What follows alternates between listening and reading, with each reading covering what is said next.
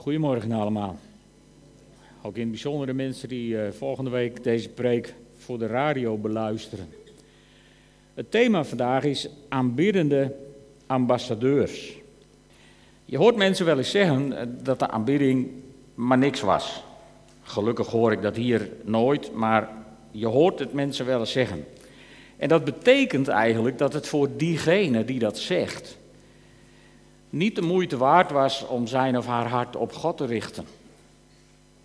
Zo iemand is blijven hangen in de teleurstelling van het verwende eigen ik. En dat verwende eigen ik, dat is het dan niet eens misschien met de liederenkeuzes. Of vond de muziek te hard, of te zacht, of te flauw, of de preek niet goed genoeg. Of... Ook dit zou je kunnen afleiden van het aanbidden van God. En, en we, hebben gezongen, Katrines heeft ons uh, daar een beetje ingeluisterd. We hebben gezongen, we zijn hier maar met één doel. En wat is dan dat ene doel waarmee je hier bent? Zijn we hier vandaag met het doel om een fijne dienst te hebben? Om heerlijk geestelijk verwend te worden? Of zijn we hier met één doel, Jezus aanbidden? Waarom bent u hier vanmorgen naartoe gekomen? Dat is eigenlijk een hele cruciale vraag. Want weet je, als je hart echt op God gericht is, dan, dan maakt het niet uit. Dan stroomt je hart over van dankbaarheid. En dan zweef je als het ware voor het aangezicht van God, omdat je zoveel van Hem houdt. Dat is heel erg belangrijk. En Hij is het waard om aanbeden te worden. Ook bij slechte muziek, bij een slechte preek in een koude kerk. Op hopeloze stoelen. Of wat zijn wij dan verwend hier? Met al die goede dingen om God te aanbidden. Weet je, en, en ik denk dat als God zegt, je zult geen andere goden voor mijn aangezicht hebben, dat hij onder andere bedoelt dat er niks mag zijn wat tussen hem en onze aanbidding voor hem in kan staan. En, en toen ik daarover nadacht en daarmee bezig was, toen dacht ik, dan maak ik dat niet waar in mijn leven. Tenminste, vaak niet. Vaak laat ik me beïnvloeden door omstandigheden, door dingen. Terwijl God aanbidden, dat zou als gelovigen, als kinderen van God, onze absolute allereerste prioriteit moeten zijn. En alles wat wij toestaan om, om dat te belemmeren, is kennelijk belangrijker dan God. Weet je, God zegt in, uh, in Exodus 20, vers 3, je zult geen andere goden voor mijn aangezicht hebben of vereer naast mij geen andere goden. En als Mozes in het boek Deuteronomium de geschiedenis tot aan toe samenvat, dan schrijft hij in Deuteronomium 6, vers 13: Heb alleen ontzag voor de Heer. Of eigenlijk aanbid alleen de Heer uw God en dien alleen Hem en zweer alleen bij Zijn naam. En als de duivel probeert om Jezus te verleiden bij de verzoeking in de woestijn, dan grijpt Jezus radicaal, heel resoluut terug op dat vers uit Deuteronomium. Het staat in Lucas 4, vers 5. Toen de duivel bracht hem naar een hooggelegen plaats en liet hem in één en hetzelfde ogenblik alle koninkrijken van de wereld zien. En dat moet voor Jezus heel verleidelijk zijn geweest, want daarvoor was hij op deze wereld gekomen. Om al die koninkrijken van de wereld voor zich te winnen. Die kreeg hij op een presenteerblaadje aangeboden, zonder kruis, zonder pijn, zonder lijden. Want de duivel zei tegen hem: Ik geef u de macht over dat alles en ook de roem die ermee gepaard gaat. Want ik kan daarover beschikken en ik geef het aan wie ik wil. Als u in aanbidding voor mij neervalt, zal dat allemaal van u zijn. Maar Jezus antwoordde: Er staat geschreven: Aanbid de Heer uw God en vereer alleen Hem. Wat een radicaal antwoord. En weet je, wij, wij, wij maken wel eens verschil, en dat komt een beetje door de vertaling van de, van de NBG ook. Gij zult de Heer uw God aanbidden en Hem alleen dienen. Alsof er verschil is tussen het aanbidden en het dienen. Het boek vat die tekst anders samen en zegt er staat in de boeken dat we alleen God mogen aanbidden en niemand anders. Want weet je, God aanbidden is God dienen. En God dienen is God aanbidden. En zo hebben de mensen die vanmorgen extra vroeg zijn gekomen om u bij de deur te verwelkomen met hun dienst, God aanbeden. En zo hebben de kosters die de koffie hebben klaargemaakt en de zaal hebben klaargemaakt, God aanbeden. En zo heeft de band, die gisteravond al heeft geoefend en hier vanmorgen al op tijd was om weer in te spelen samen met de technici, God aanbeden. En zo hebt u door vanmorgen uw bed uit te komen en hier naartoe te komen, God aanbeden. God dienen is God aanbidden. En, en we, moeten, we moeten leren om geen onderscheid te maken tussen aanbidding en de dingen die we voor God doen. Toen u naar voren kwam om, om allemaal spullen in deze dozen te leggen, voor de voedselcollecte hebt u God aanbeden. En dat is een, dat is een groot voorrecht dat we dat mogen. En uh, ik wil jullie een paar mensen onder de aandacht brengen die God hebben aanbeden. Er mag namelijk niet zijn wat onze aanbidding in de weg staat. Een ambassadeur die zijn koning niet aanbidt, is een groot risico. Want zo'n ambassadeur aanbidt een andere koning. En zal op een dag de koning voor wie die hoort te werken in de steek laten. Dus het is riskant. En neutraliteit, lieve vrienden, is er niet in Gods koninkrijk. Je bent een aanbidder van God of je bent een aanbidder van die andere koning. Er is geen neutraal terrein. En dat vraagt om radicale keuzes. En Paulus en Silas, die konden dat zelfs in de gevangenis. We lezen in Handelingen 16, vers 25. Om middernacht waren Paulus en Silas aan het bidden en zongen ze lofliederen voor God. In de meest onmogelijke omstandigheden. Ze waren net, hadden ze tig stokslagen ontvangen, hun ruggen waren kapot geslagen, ze zaten in de diepste kelder, waarschijnlijk met hun kont in het water en hun voeten in het blok, op de meest beroerde plek die je je kon voorstellen, met een vooruitzicht dat ze geen idee hadden of ze de volgende dag gedood zouden worden of hoe lang ze daar in dat hol zouden moeten zitten, whatever. En dan staat er, ze zongen lofliederen voor God. En de andere gevangenen luisterden aandachtig. Ja, dan wil je wel aandachtig luisteren. Als mensen in dit soort omstandigheden in staat zijn God te aanbidden, dan gebeurt er iets bijzonders. En weet je, in de Bijbel staat, staan een paar mensen die ik even onder jullie aandacht wil brengen. De eerste is Lea. Dit is, is, is een van mijn absolute lievelingsverhalen uit de Bijbel. Lea is voor mij een topheldin. Een vrouw die door haar vader wordt gedwongen om onder valse voorwendselen met Jacob te trouwen. En, en, en een week later krijgt Jacob de vrouw van zijn leven, waar hij wel van houdt. En Lea is dus, zeg maar, de ongewenste vrouw van Jacob. En daar moet ze het mee doen in haar leven. En als ze haar eerste kindje krijgt, die ze Ruben noemt, dan zegt ze: De Heere heeft gezien wat ik te verduren heb. Ik weet niet hoe het met jullie is, maar hier zijn eh, verschillende mensen die hebben ooit hun eerste kind gekregen. En ik weet nog wat er in mijn leven gebeurde toen ik mijn eerste kind kreeg. Toen verloor ik een stukje van mijn verstand. En toen was ik in de zevende hemel. En ik zweefde door de wereld. En toen ik bij een van onze buren kwam om het te zeggen, was het enige wat ik kon uitbrengen. Ik ben vader geworden. En, en, en, en ik, ik was ik heb er geen woorden voor om te beschrijven hoe het was. En Lea, die krijgt haar eerste kind. En die zegt, nou, God heeft mijn ellende gezien. Kun je je voorstellen hoe diep die ellende geweest moet zijn als je zo reageert in zo'n situatie? En dan krijgt ze nog een zoon. En dan zegt ze, de Heer heeft gehoord hoe weinig mijn man van me houdt. En dan krijgt ze nog een zoon. En dan zegt ze, nu zal mijn man zich eindelijk aan mij hechten. En in al die drie zinnen proef je het verdriet, de afwijzing. Je proeft de ellende. En dan krijgt ze nog een zoon. En die noemt ze Juda, want zegt ze, nu zal ik de Heer loven. Was Rachel er niet meer? Ja, die was er nog. Was Jacob plotseling zielsveel van haar gaan houden? De Bijbel zegt daar geen woord over. Want tussen deze twee versen, of tussen deze drie zit niks. Dus haar situatie was absoluut niet veranderd. Maar haar hart was veranderd. Ze zei, nu zal ik de Heer loven. En ze had besloten om niets meer toe te laten tussen God en haar. En daarmee werd ze de stammoeder van onze Heer Jezus Christus. En werd Lea de moeder Israëls en niet Rachel. Om de keuze die ze maakte. Dit is een keuze die had immense gevolgen. Zelfs voor ons.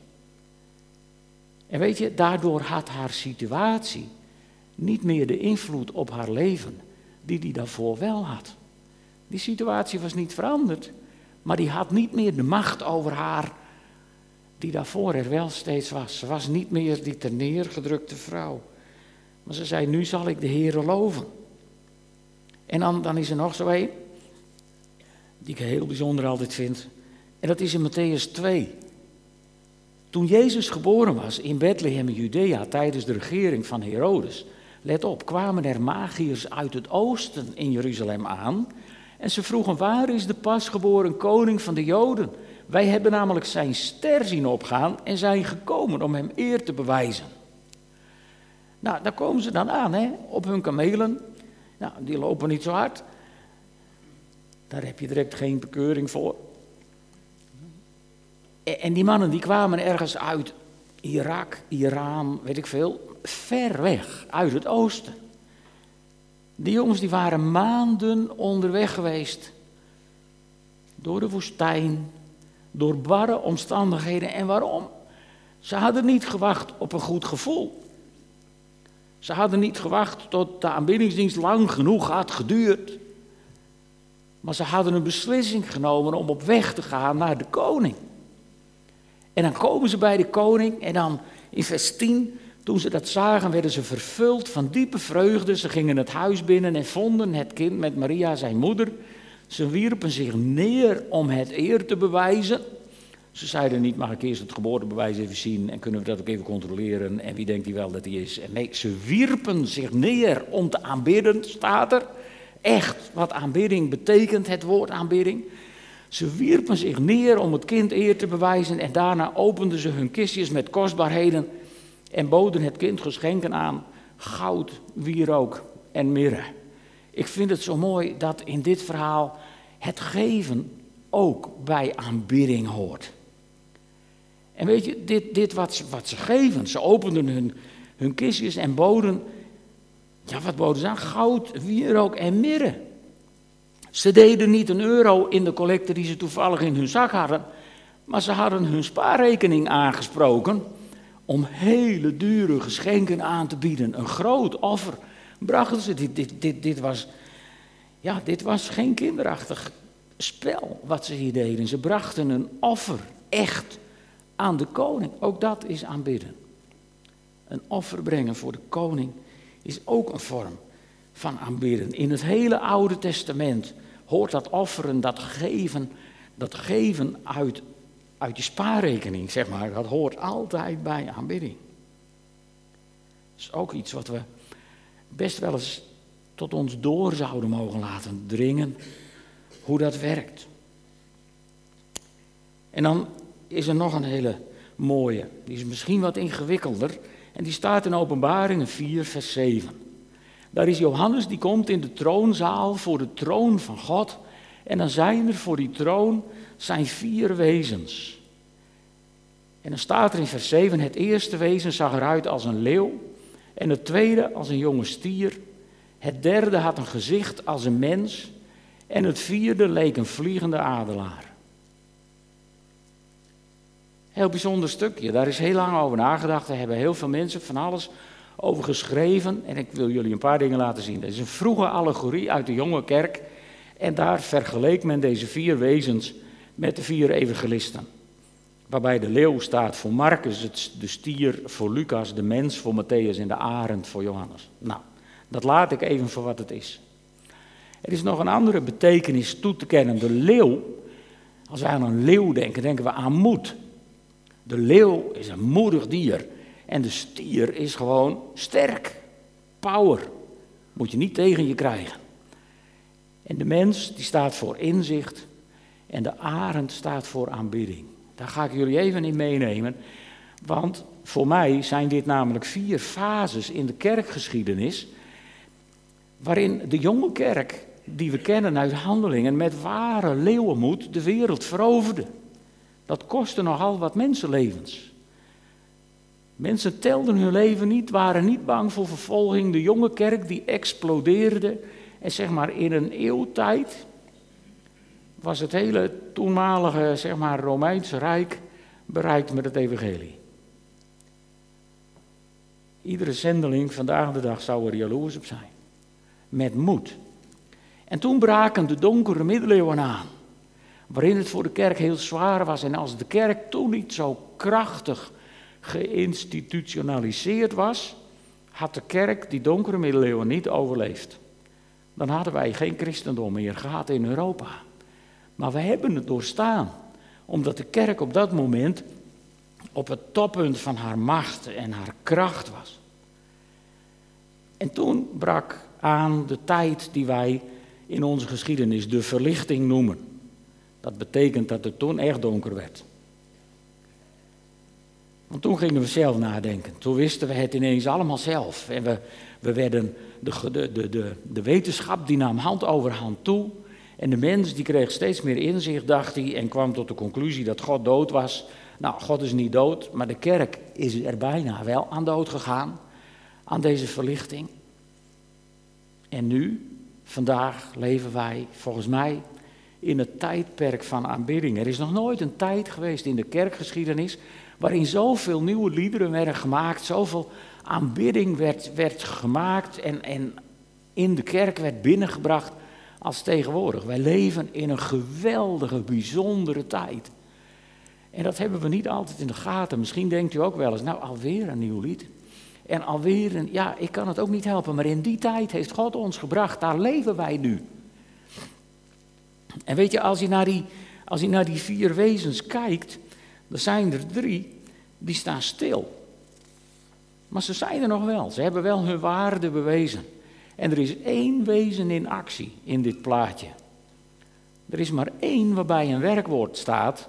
En dat is bij de arend. Die is vliegend. Die arend zit niet op een stokje te wachten op een goed gevoel. Die hangt niet wat rond tot de Heilige Geest uh, iets bijzonders met hem gaat doen. Die arend die heeft zijn vleugels verspreid en die is God aan het aanbidden.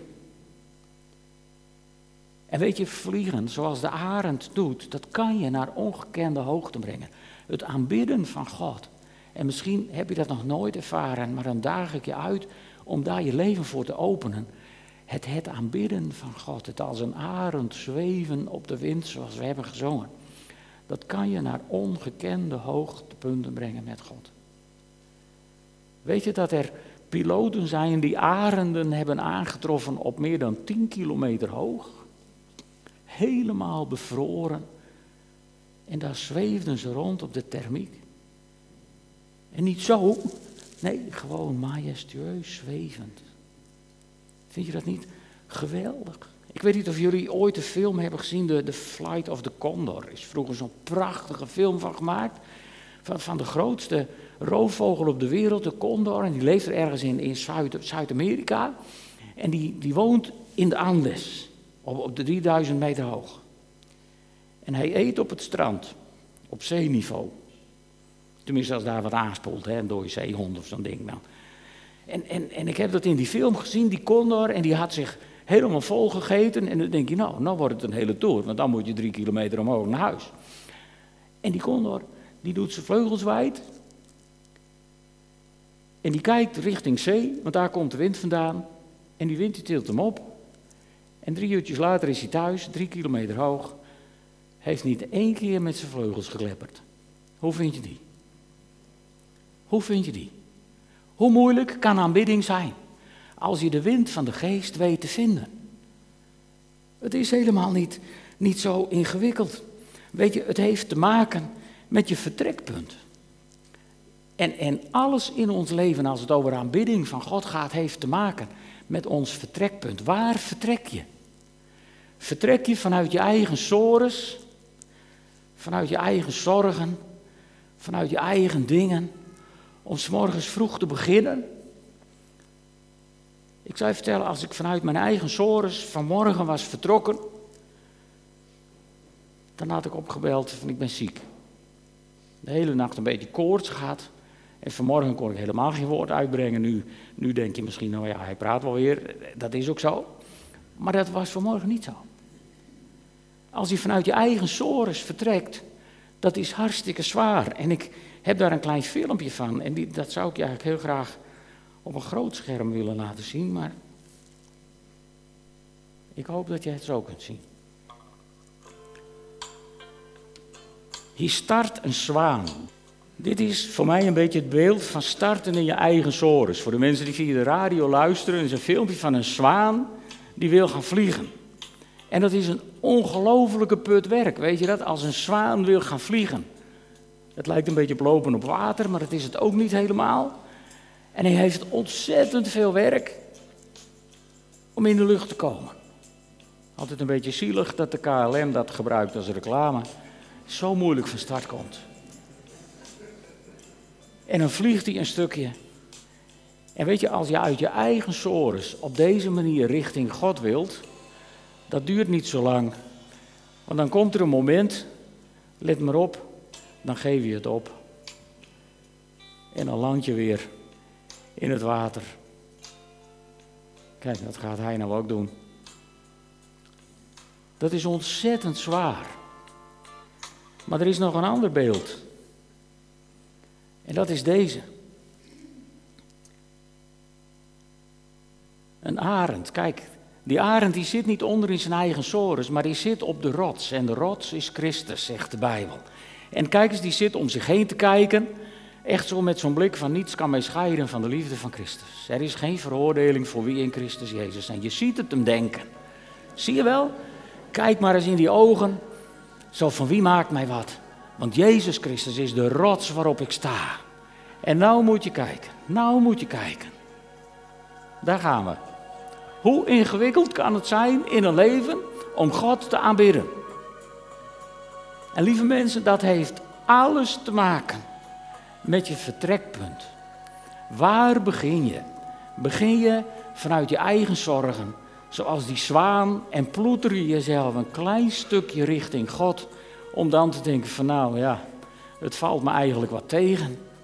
Of kun je net zoals deze adelaar op de rots van Christus zitten, de wereld aankijken, zo van wie doet me wat, en weten, ik ben veilig in Jezus' armen. En dan kun je je vleugels spreiden, een klein wipje, en dan gaan we. En af en toe vliegt hij een klein stukje om even weer in de goede thermiek te komen. En zo gaat deze zwaan, of deze arend door het leven. Alsmaar zwevend, zwevend en zwevend en zwevend. En waarom kan hij dat? Omdat hij weet waar de thermiek is. Dat heeft hij moeten oefenen. En zo is het ook met aanbidding. Als je God wilt leren aanbidden vanuit deze positie, dan moet je oefenen. En je gaat het leren door het te proberen en te proberen. Er zijn tien dingen die je moet doen. Proberen, proberen, proberen, proberen, proberen, proberen, proberen, proberen, proberen en nog een keer proberen. En als het dan nog niet gelukt is, begin je gewoon weer bij één. Maar er komt een dag dat je weet hoe dit werkt. En dat je weet van hoe ik me ook voel vanmorgen, ik ga God aanbidden. Want God is het waard. God, God is de God van mijn leven. God is degene die mij heeft gered. Die mij het eeuwige leven heeft gegeven. God is degene die is het zo waard. Ik spreid mijn vleugels uit. En ik bid, kom Heilige Geest. En ik zweef weg op de wind. En dan gebeurt er wat je zelf hebt gezongen. Voordat de preek begon, dan zweef ik op de wind. Gedragen door uw geest. Dat is het leven wat God voor jou en mij voor ogen heeft. Niet dat geploeter van die zwaan. Al hoe mooi dat misschien ook lijkt, maar dit is wat God voor jou en mij in petto heeft. En dan kom ik nog bij een hele mooie vorm van aanbidding. En dat gaan we nu met elkaar doen. Avondmaal vieren. Heel praktisch. Als je brood en wijn deelt met de Heer Jezus. Aanbid je ook God. Dat zijn we ons heel vaak. En ik praat over mezelf. Dat ben ik me heel vaak niet genoeg bewust, weet je dat?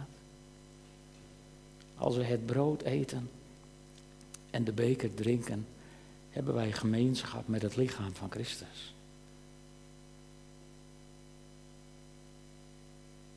Laat dat eens heel diep even tot je doordringen. Nog een keer. Als wij het brood eten en de beker drinken, hebben wij gemeenschap met het lichaam van Christus. Dan zweef ik op de wind, gedragen door uw geest en de kracht van uw liefde. Wauw. Man. Wil je dat beleven? Dan nodig ik je uit om samen met ons avondmaal te vieren. Samen te eten van brood, te drinken uit de beker. En misschien zit je zo vast in je eigen sores dat je zegt, nou Willem, dat was een leuk verhaal van die arend. Maar ik voel me vandaag meer een zwaan. Die ploetert om er ook een beetje van mee te krijgen. Dan nodig ik je uit om straks gewoon voor je te laten bidden. Er is gelegenheid om gebed te ontvangen. En weet je, deze vorm van aanbidding, die leer je alleen in de aanwezigheid van God. Het is geen kunstje, het is een zegen. Het is een zegen die God heeft voorbereid voor zijn kinderen. Mag ik jullie vragen op te staan? Dan gaan we een moment bidden. Vader in de hemel, wat ploeteren we vaak uit eigen kracht. Heer, en u, u moet dat ook aanzien zo van. Het kan wel makkelijker. En daarom bid ik u, Heere God, om, om, om, om, om, om meer van uw Heilige Geest. Heer, kom met uw Heilige Geest nu. Vul deze ruimtes meer. Laat ons voelen, Heer. Laat ons zweven op de wind. Leren ons de thermiek van uw Heilige Geest te ontdekken die ons brengt in de troonzaal. Heer, waar we u bijna van aangezicht tot aangezicht mogen ontmoeten. Leer het ons alstublieft, Heer. Heer, en ook als we als een zwaan proberen op te stijgen uit onze eigen zorgen, wees ons dan genadig. En til ons op, Heer, naar die hoogtes. Naar die hoogtes voor uw troon. Naar die hoogtes, Heer, waar genezing is onder uw vleugelen. Waar uw heerlijkheid is. En dat bidden we ook voor de mensen uit onze gemeente, Heer, die lijden, die ziek zijn, die pijn hebben of zorgen. Heere God, waai met uw Heilige Geest.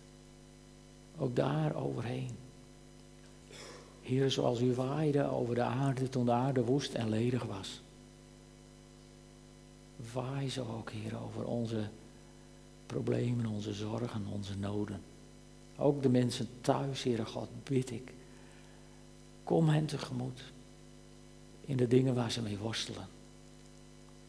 En Heer, laat zo het brood ons vandaag versterken. Laat zo de wijn ons bemoedigen. En ons heel dicht voor uw aangezicht brengen. Dat bid ik van u in de naam van Jezus. En zo zegen ik het brood, zo zegen ik de wijn. In de naam van de Vader, in de naam van de Zoon in de naam van de Heilige Geest. Amen.